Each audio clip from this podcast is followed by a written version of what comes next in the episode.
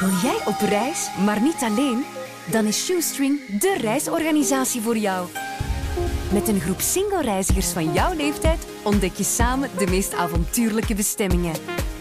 Ben jij klaar om je bucketlist af te vinken? Shoestring, hoe ver kun je gaan?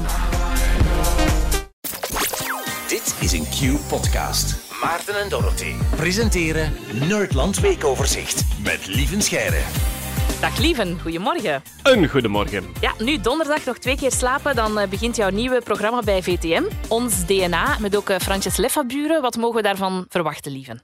Ja, ah, wel, ja. DNA, genetica, dat zijn dingen die heel snel vooruit gaan en die steeds meer het menselijke leven beïnvloeden. Hè. Mensen komen in aanraking met, met genetica en niet alleen als ze een ziekte hebben. En dus wij gaan een beetje op zoektocht naar uh, wat kunnen we daar allemaal al mee. En wat Frances voornamelijk doet, dat is uh, mensen die op zoek zijn naar familie. Hè. Dus mensen die geadopteerd zijn of die hun vader nooit gekend hebben. En dan kijken we, kunnen we via die DNA-weg hun familie terugvinden waar ze al zo lang naar op zoek zijn. Gisteren kwam ook het nieuws dat we in ons land de wetgeving willen aanpassen. Hè? Dat we dat ook met cold cases kunnen doen, DNA-onderzoek. Maar zo 40 generaties teruggaan ja. of zo, om, om iemand te vinden die ooit een moord heeft gepleegd. Ja, en dat is iets wat in Amerika al een tijdje gebeurt. Hè. Dus er zijn nu heel veel mensen die een DNA-test doen en zo ergens in een databank zitten, gewoon om uh, familieleden te vinden of om weetjes uh, te krijgen over hun DNA. Maar je kan die databanken ook gebruiken om, als je DNA vindt na een misdaad en je stopt dan in zo'n databank, dan hoeft die misdadiger daar niet in te zitten. Die computer zegt direct van, ja, ik heb hem zelf niet gevonden, maar hier is een achternicht en daar is een achter-achter-achterneef. En zo geeft hij een hele hoop familie, waardoor dat je die ook kan vinden. Ja, ja. In Amerika doen ze dat al een tijdje. Daar hebben ze de Golden State Killer, een seriemoordenaar uit de jaren 80, 40 jaar later opgepakt met dat soort onderzoek. En in België, ja, onze, onze wetgeving is anders. Wij zijn sowieso in Europa veel privacygevoeliger, dus wij zijn daar allemaal veel voorzichtiger mee. Maar nu wil inderdaad minister van Quickenborne toch iets in gang steken om via familieonderzoek, heet dat dan, verwantschapsonderzoek.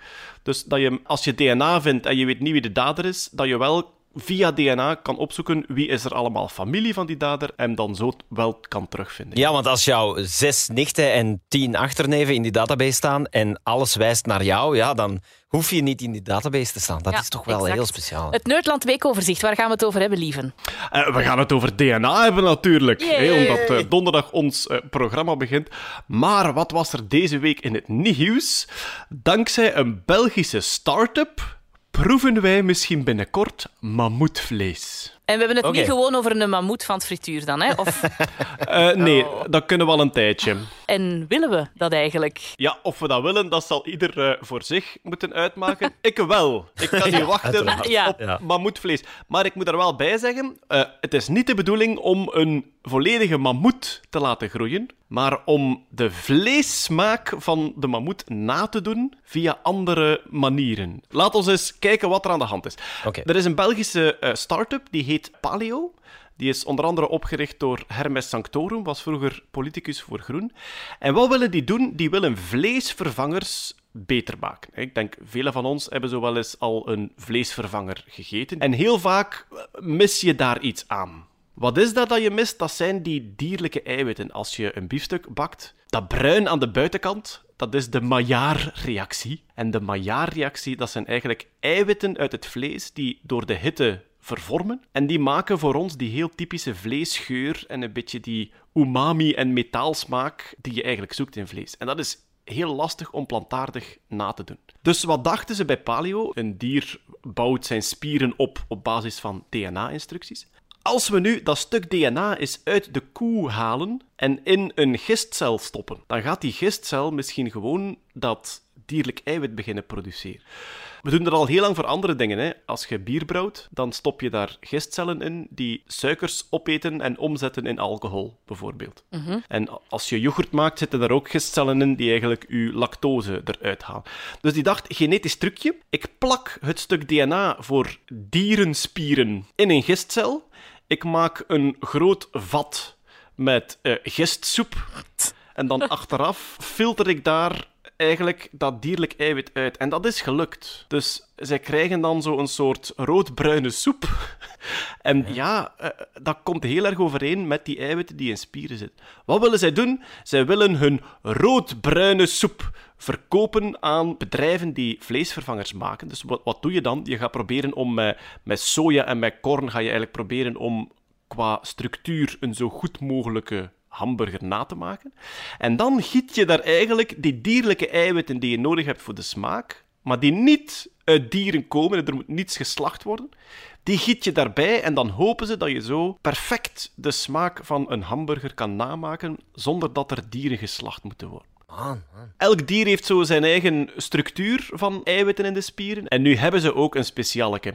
We hebben sinds kort ook het DNA van de mammoet uitgelezen. Dus wat hebben ze nu gedaan? Ze zijn eens op zoek gegaan in dat DNA van die mammoet. Wat voor spiertjes maakte de mammoet eigenlijk? En kunnen wij dat laten namaken in onze gistsoep? En ook dat is gelukt. Dus zij maken mammoetenspiereiwitten na in een soort gistsoepvat in Charleroi. Ja, ze zochten de meest prehistorische locatie van het land. En, eh, dus zij hebben ook die, die mammoeteiwitten kunnen namaken. En zij kunnen nu dus vegetarische hamburgers maken met mammoetsmaak. En niet zomaar mammoetsmaak nagemaakt, maar echt de eiwitten laten produceren die vroeger in mammoetspieren zaten. En hebben we een vermoeden hoe mammoet smaakt? Waarop lijkt het op iets dat we kennen? Of Dat zo? zou wel lekker zijn, hè? En wel, je kan het eigenlijk gewoon vragen aan Hermes Sanctorum zelf, want die heeft het al geproefd. Oké, en? Hij zegt, eh, alles wat je kent van vlees, smaak, maar dan iets krachtiger nog. Beetje wild, rund. Dus hij zegt, ja, als je je vleessmaak voorstelt, wat dan umami is, de vijfde smaak na zoet, zuur, bitter en zout. Umami en een beetje metaalachtig. En hij zegt, dat mammoeteiwit geeft dat eigenlijk heel krachtig weer in onze mond, meer nog dan ons gekweekt vee. En dan zou je kunnen vermoeden, onze smaak is natuurlijk geëvolueerd in de voorbije honderdduizenden jaren. Een groot stuk van die tijd heeft de Europese mens mammoet gegeten. Ah ja. Dus het zou kunnen dat onze smaak eigenlijk zelfs meer afgesteld is op mammoet dan op rundvlees.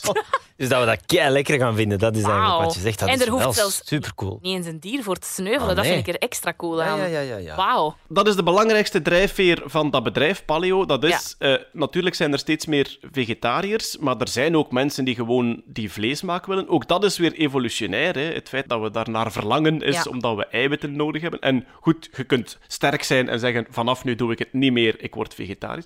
Maar zij willen eigenlijk dat dierleed er ook uithalen voor mensen die die vleesmaak willen blijven hebben. En het zou zelfs best kunnen dat zij veel goedkoper produceren. Sowieso veel beter voor het klimaat.